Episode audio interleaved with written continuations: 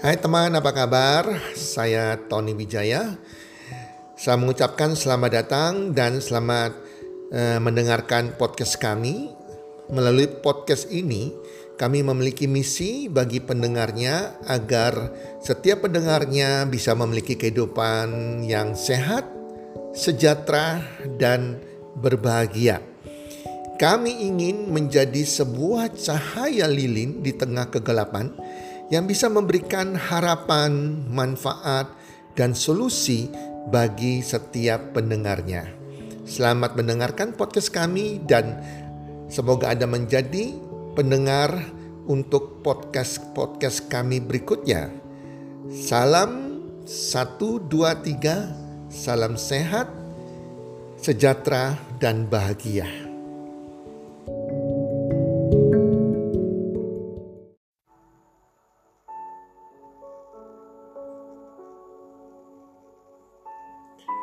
Menjadi magnet rejeki episode kedua atau bagian kedua. Hai para pendengar podcast. Ini merupakan kelanjutan daripada pembahasan saya mengenai menjadi magnet rejeki di episode yang pertama. Teman-teman di episode pertama atau di bagian pertama saya sudah menjelaskan bahwa Sangat penting sekali kita bisa menjadi manen rezeki agar rezeki kita senantiasa mengalir. Segala hal-hal yang positif mengalir dalam kehidupan kita sehingga kita bisa menikmati yang terbaik yang Tuhan berikan. Ada tiga cara untuk menjadi manen rezeki yang kita harus lakukan. Yang pertama tentang sikap dan tindakan kita. Ini bicara mengenai persiapan pribadi Anda. Nah, yang kedua adalah tentang pikiran atau mindset. Yang ketiga tentang ucapan atau afirmasi. Kemarin saya sudah menjelaskan tapi belum selesai di bagian pertama tentang sikap dan tindakan pribadi kita yang berkaitan dengan pribadi kita. Kemarin saya jelaskan tentang ada beberapa hal yang kita harus menyikapi dan bertindak yang berkaitan dengan pribadi kita yaitu keluar dari penjara masa lalu. Itu yang pertama. Kedua, kelilingi diri Anda dengan teman-teman sukses atau lingkungan yang benar. Itu sangat pengaruh sekali. Dan sekarang saya akan membahas yang ketiga yang berkaitan dengan sikap dan tindakan atau yang berkaitan dengan pribadi kita yaitu memberi atau beramal atau bersedekah dengan ikhlas dan sukacita. Para pendengar podcast, jangan tunggu sudah kaya atau sudah cukup baru kita bersedekah. Justru pada saat lagi kita berkekurangan, kita mulai beramal, kita mulai bersedekah, kita mulai memberi, menabur kebaikan pada orang-orang yang kurang beruntung. Seperti anak yatim, orang cacat yang tidak bisa bekerja, orang-orang miskin, orang tua jompo, dan lain-lain. Yang jelas kita memberi dengan ikhlas, dengan tulus. Tidak pernah berkekurangan rezeki untuk orang yang memberi atau bersedekah. Kecuali ia akan makin bertambah rezekinya, bertambah dan bertambah. Yang penting memberinya dengan ikhlas, dengan gembira, dengan sukacita. Terserah Anda bisa menyisikan dua setengah persen dari penghasilan Anda ataupun 10% bahkan lebih. Yang penting Anda memberi dengan ikhlas, dengan sukarela. Atau juga mungkin Anda pikir, oke okay, saya nggak bisa memberi dengan keuangan. Anda bisa memberi dengan memberikan pakaian Anda atau celana Anda yang di lemari yang tidak terpakai, Anda simpan di lemari yang sudah bertahun-tahun tidak terpakai, Anda bisa sumbangkan. Yang penting masih layak pakai. Demikian juga Anda bisa rombeng barang-barang Anda daripada menumpuk di gudang rumah Anda. Kemudian uangnya Anda bisa bersedekah atau juga Anda bisa dengan tenaga dan waktu Anda datang ke panti asuhan, datang ke rumah panti werda, Anda bisa menghibur mereka, membantu di sana satu dua jam, mendengarkan mereka bercerita. Itu Anda sudah menabur dengan perhatian, dengan tenaga, dengan waktu Anda. Setidaknya itu membuat mereka terhibur dan gembira. Dengan memberi atau bersedekah, beramal akan memberikan kepuasan batin. Kita akan merasa lebih bahagia karena dapat membantu orang lain. Kita juga bisa membersihkan hati dan pikiran kita. Dan ini akan mengundang rezeki, mengundang uh, rezeki datang ke kita sebagai bagian dari diri kita sebagai magnet rezeki. Dengan banyak bersedekah, mana rezekinya akan makin aktif dan rezeki Anda akan semakin lancar menghampiri Anda. Yang berikutnya adalah hubungan dengan Tuhan Sang Pencipta.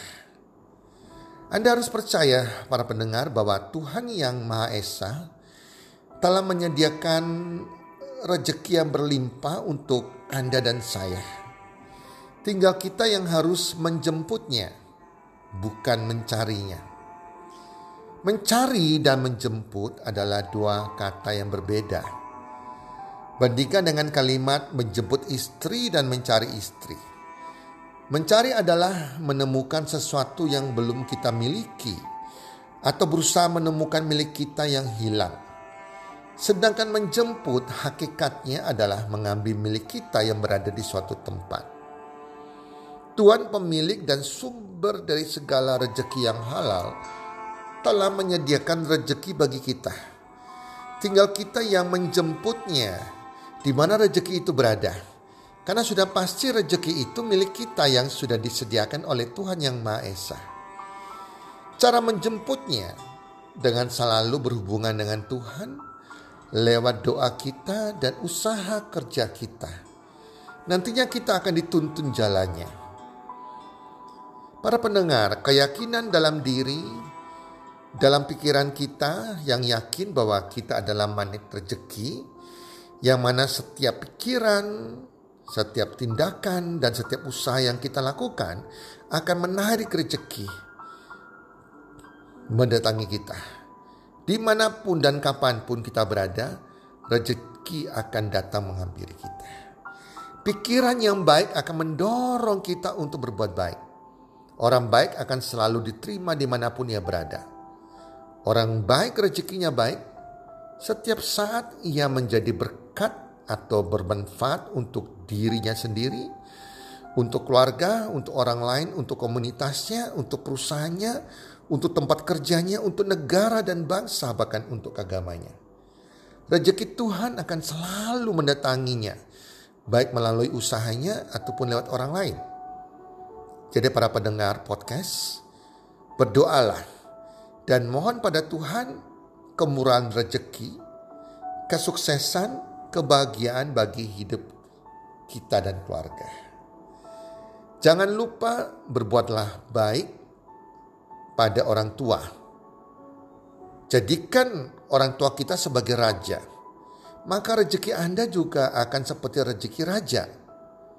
Doa orang tua yang saleh pada anaknya yang baik akan didengarkan dan dijawab oleh Tuhan. Itu sebabnya selalu doakan, selalu bahagiakan, selalu berbuat baik, selalu hormati orang tuamu. Demikian juga perlakukanlah pasangan istri dengan baik. Lakukanlah pasangan Anda yaitu istri dengan baik. Perlakukan pasangan Anda atau suami Anda dengan baik. Jangan sering menganiaya atau menyakiti hati pasangan kita. Karena doa yang ikhlas dan sungguh-sungguh dari pasangan akan dijawab oleh Tuhan. Selalu berhubunganlah dengan Tuhan melalui doa yang dipanjatkan setiap hari sesuai dengan ajaran agama Anda masing-masing. Doa tersebut akan menembus langit dan mempercepat terwujudnya keinginan dan impian Anda. Di samping itu, yang terkadang terlupakan adalah bahwa pikiran kita, ucapan kita, dan hati atau perasaan kita merupakan doa yang tidak kita sadari. Teman-teman, perasaan itu adalah doa kita yang juga akan menjadi law of attraction, menjadi medan magnet. Keadaan kita hari ini sesuai dengan perasaan kita. Perasaan itu juga adalah doa kita. Teman-teman. Keadaan kita hari ini adalah diakibatkan karena perasaan dan doa kita di masa lalu. Sedangkan perasaan kita saat ini akan menciptakan keadaan kita di masa depan. Jika Anda sekarang menjadi seorang manajer, dokter, pengusaha, atau orang kaya, itu dikarenakan sebulan atau setahun atau beberapa tahun yang lalu sadar atau tidak sadar perasaan Anda telah terfokus untuk menjadi manajer dan alam semesta merespon kemudian menciptakan mewujudkan yaitu diangkat menjadi manajer atau menjadi dokter, menjadi pengusaha, menjadi orang kaya atau sebaliknya menjadi orang miskin. Kalau perasaan Anda memang ke hal yang kemiskinan. Tuhan Yang Maha Esa telah menciptakan alam semesta ini beserta hukum-hukum alam. Salah satunya adalah hukum ketertarikan atau law of attraction yang beberapa orang menamainya dengan berbagai nama. Ada yang menyebut hukum penciptaan, hukum sebab akibat, hukum menabur dan menuai dan sebagainya. Intinya, hukum alam untuk mewujudkan apa yang ada di hati kita, mewujudkan apa yang kita rasakan. Hukum ketertarikan tidak membedakan apa yang kita inginkan dan apa yang tidak kita inginkan. Ketika hati kita, ketika perasaan kita fokus pada sesuatu, terlepas apakah sesuatu itu diinginkan atau tidak diinginkan, maka alam akan mewujudkannya.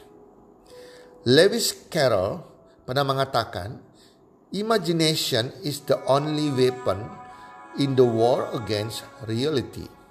Imajinasi adalah satu-satunya senjata dalam perang melawan realitas saat ini.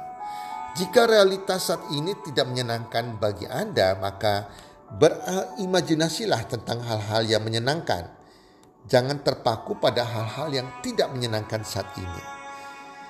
Jadi, jika kita selalu memikirkan atau berimajinasi dan berperasaan apa yang kita suka, hidup kita akan dipenuhi oleh hal-hal itu, yaitu hal-hal yang kita sukai.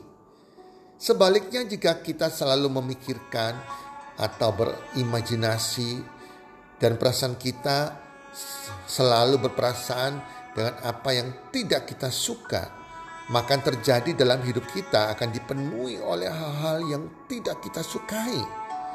Apa pun yang hadir dalam perasaan kita itu merupakan doa kita dan akan menjadi kenyataan bagi kita.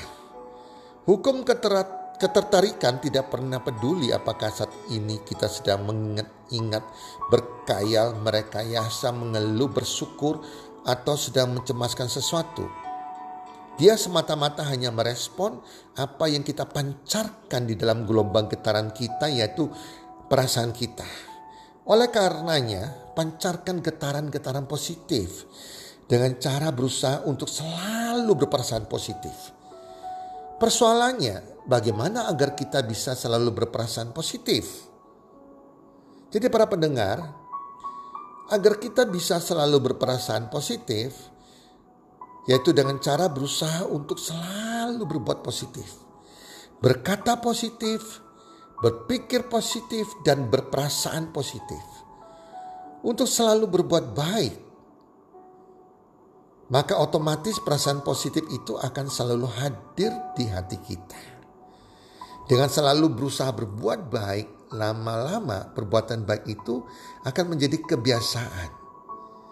Dan kebiasaan itu otomatis akan menjadi mindset kita. Jika perasaan positif itu telah menjadi mindset kita, maka keinginan kita akan selalu sama dengan perasaan kita. Sehingga setiap keinginan kita akan selalu terwujud. Betapa indahnya jika setiap keinginan kita selalu terwujud. Karena keinginan kita sama dengan perasaan kita. Karena keinginan kita sama dengan yang kita rasakan. Sehingga selalu terwujud. Para pendengar podcast, jadi selalu Berhati-hati dengan perkataan kita, pikiran kita dan perasaan kita. Selalu jadikan pikiran kita positif, perkataan kita positif, dan perasaan kita positif. Agar hal-hal yang baik datang dalam hidup kita teman-teman. Jadi teman-teman, perasaan kita adalah doa kita. Maka selalu merasa happy, merasa bahagia setiap hari walaupun kita belum happy, belum bahagia, usahakan merasakan feel feel good teman-teman. Nah, itu yang pertama. Yang kedua menjadi magnet rezeki berkaitan dengan pikiran atau mindset Anda, yaitu pikiran bawah sadar Anda. Teman-teman, kekuatan pikiran bawah sadar ini itu luar biasa besarnya. 88% kekuatannya. Dibandingkan dengan kekuatan pikiran sadar yang hanya 12%. Cuma terkadang kita manusia kita tidak menggunakan kekuatan pikiran bawah sadar kita semaksimal mungkin. Di mana kita mengisi dengan hal-hal negatif dalam pikiran kita. Sehingga akhirnya hidup kita tidak mengalami suatu hal yang dahsyat. Suatu perubahan dalam hidup kita. Jadi hati-hati dengan pikiran bawah sadar Anda. Apa yang ada di dalam pikiran bawah sadar Anda? Negatif atau positif? Nah ini berbahaya sekali kalau Anda isi dengan yang negatif teman-teman. Demikian juga pikiran bawah sadar kita, kita bisa mengimajinasikan segala sesuatu. Ini akan menjadi manen rezeki. Contohnya, Anda bisa berimajinasi impian Anda. Rumah seperti apa yang Anda impikan? Mungkin Anda pernah lihat di brosur, di gambar, Anda bayangkan rumah seperti itu, rumah Anda. Kendaraan seperti apa yang Anda impikan? Masukkan dalam pikiran bawah sadar Anda. Imajinasikan kendaraan itu sudah menjadi milik Anda. Seberapa besar penghasilan Anda yang Anda ingin dapatkan setiap bulan. Misalnya 100 juta per bulan. Anda harus bisa imajinasikan sehingga tertanam di pikiran bawah sadar Anda. Bagaimana bisa tertanam di pikiran bawah sadar Anda? Impian-impian itu agar bisa menjadi kenyataan. Yang pertama, setiap malam sebelum tidur, setiap malam sebelum tidur setiap hari. Anda membayangkan, contohnya Anda membayangkan penghasilan 100 juta per bulan. Membayangkannya harus seakan-akan Anda imajinasikan bahwa Anda sudah memiliki uang tersebut. Kalau Anda membayangkan rumah, membayangkan bahwa Anda sudah memiliki rumah itu. Anda membayangkan mobil, membayangkan bahwa Anda sudah memiliki mobil itu. Kalau Anda punya hutang, seberapa besar hutang Anda seperti pada waktu saya dulu. Ya, hutang saya itu banyak miliaran teman-teman. Saya membayangkan hutang saya itu sudah lunas teman-teman. Jadi kita membayangkan, mengimajinasikan. Dan rasakan perasaan bahagia. Rasakan feel goodnya itu. Rasakan perasaan happy-nya itu. Karena perasaan yang bahagia itu bahwa Anda sudah memiliki penghasilan 100 juta atau impian yang lain itu, itu sudah Anda miliki. Itu akan tertanam di pikiran bawah sadar Anda. Sampai Anda tertidur teman-teman. Daripada Anda tidur melamun yang tidak-tidak. Apalagi melamunnya hal-hal yang kejadian hari ini yang negatif, yang tidak enak. Hindarkan itu. Sebelum tidur, Anda imajinasikan impian Anda yang sudah menjadi kenyataan dengan perasaan yang bahagia. Nah, itu akan menjadi medan, medan magnet. Nanti pikiran bawah sadar Anda akan menuntun Anda entah dengan cara bagaimana kita gak pernah tahu tapi dengan cara ajaib akan dituntut menemukan jalannya sehingga Anda akan bisa mencapai impian tersebut menjadi kenyataan.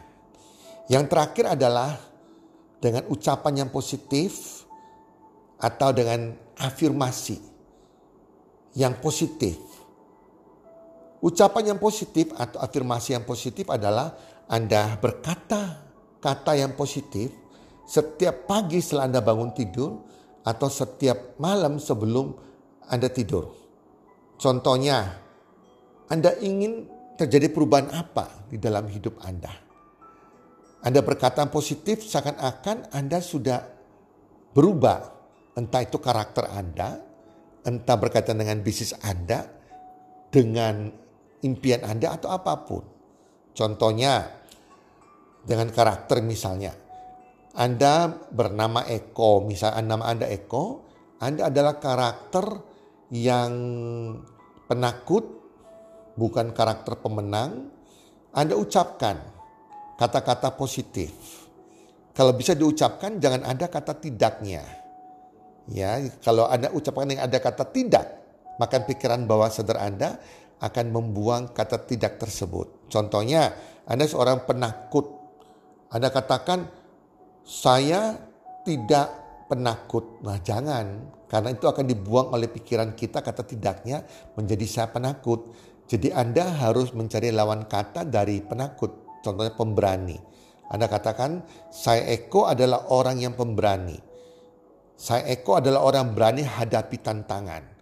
Saya Eko adalah orang yang pemberani. Saya Eko adalah orang berani hadapi tantangan. Saya Eko adalah orang yang pandai bergaul. Saya Eko adalah orang disukai oleh semua orang. Semua rezeki-rezeki mengalir ke saya. Mengalir bagaikan air mengalir tiada hentinya. Nah kurang lebih demikian. Contohnya kalau Anda punya hutang Anda bisa katakan. Ya, hutang-hutang saya Eko, hutang-hutang saya sudah lunas semua di bank. Sebutkan nama banknya. Contoh di bank BRI saya Eko hutang-hutang saya sudah lunas semua di Bank BRI. Kalau Anda kepingin punya penghasilan contohnya penghasilan Anda mungkin hari ini 10 juta per bulan, Anda mau tingkatkan satu kali lipat jadi 20 juta per bulan, dikatakan bahwa saya Eko punya penghasilan 20 juta per bulan, saya Eko punya penghasilan 20 juta per bulan. Katakan berulang-ulang, terima kasih Tuhan. Nah itu namanya ucapan positif atau afirmasi Anda harus lakukan pagi hari pada waktu Anda baru bangun tidur, lagi mau sikat gigi, Anda lihat di kaca, Anda ucapkan di depan kaca, demikian mau tidur juga demikian. Ya, sebelum Anda imajinasikan dengan membayangkan pikiran mindset positif yang saya ajarkan tadi sebelumnya. Jadi, Anda kalau takut lupa, Anda tulis di kertas. Apa-apa aja Anda mau berubah, entah karakter Anda atau Anda ingin dapatkan dalam hidup Anda, lima tahun ke depan Anda tulis di kertas dan tempel di papan atau di mana pun bisa dibaca kalau perlu di kendaraan Anda sehingga Anda baca satu kalimat itu bisa 10 kali mungkin 20 kali baca terus saja setiap hari dan itu biar tertanam di pikiran bawah sadar Anda membantu Anda menjadi manen terjeki teman-teman dan menyingkirkan sekian puluh tahun pikiran-pikiran yang negatif yang di dalam pikiran bawah sadar Anda. Dan kita memasukkan kata-kata yang positif. Kita masukkan imajinasi yang positif, teman-teman. Nah itu teman-teman, cara menjadi manen rezeki. Ini harus dilakukan setiap hari, terus menerus, bulan demi bulan, sampai Anda merasakan, Anda bisa melihat bahwa pribadi Anda berubah, rezeki Anda juga makin berubah, anda sudah berkata positif, berpikir positif, bertingkah laku positif, dan Anda akan lihat hasilnya luar biasa. Banyak keberuntungan, banyak rezeki akan menghampiri hidup Anda dan keluarga Anda. Demikian dari saya, semoga bermanfaat dan salam sukses One, two, three.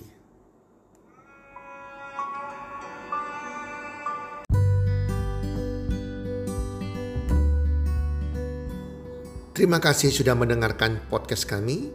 Teman, jika Anda rasa bermanfaat podcast kami ini, Anda bisa menginfokan kepada rekan kerja Anda, keluarga Anda, teman ataupun sahabat Anda. Dan jika ada hal-hal yang Anda ingin tanyakan kepada kami ataupun topik-topik apa yang Anda ingin kami bawakan, kami sampaikan, Anda bisa DM kami di Instagram kami healthcommunity.com www.id. Salam one two three, salam sehat, sejahtera dan bahagia.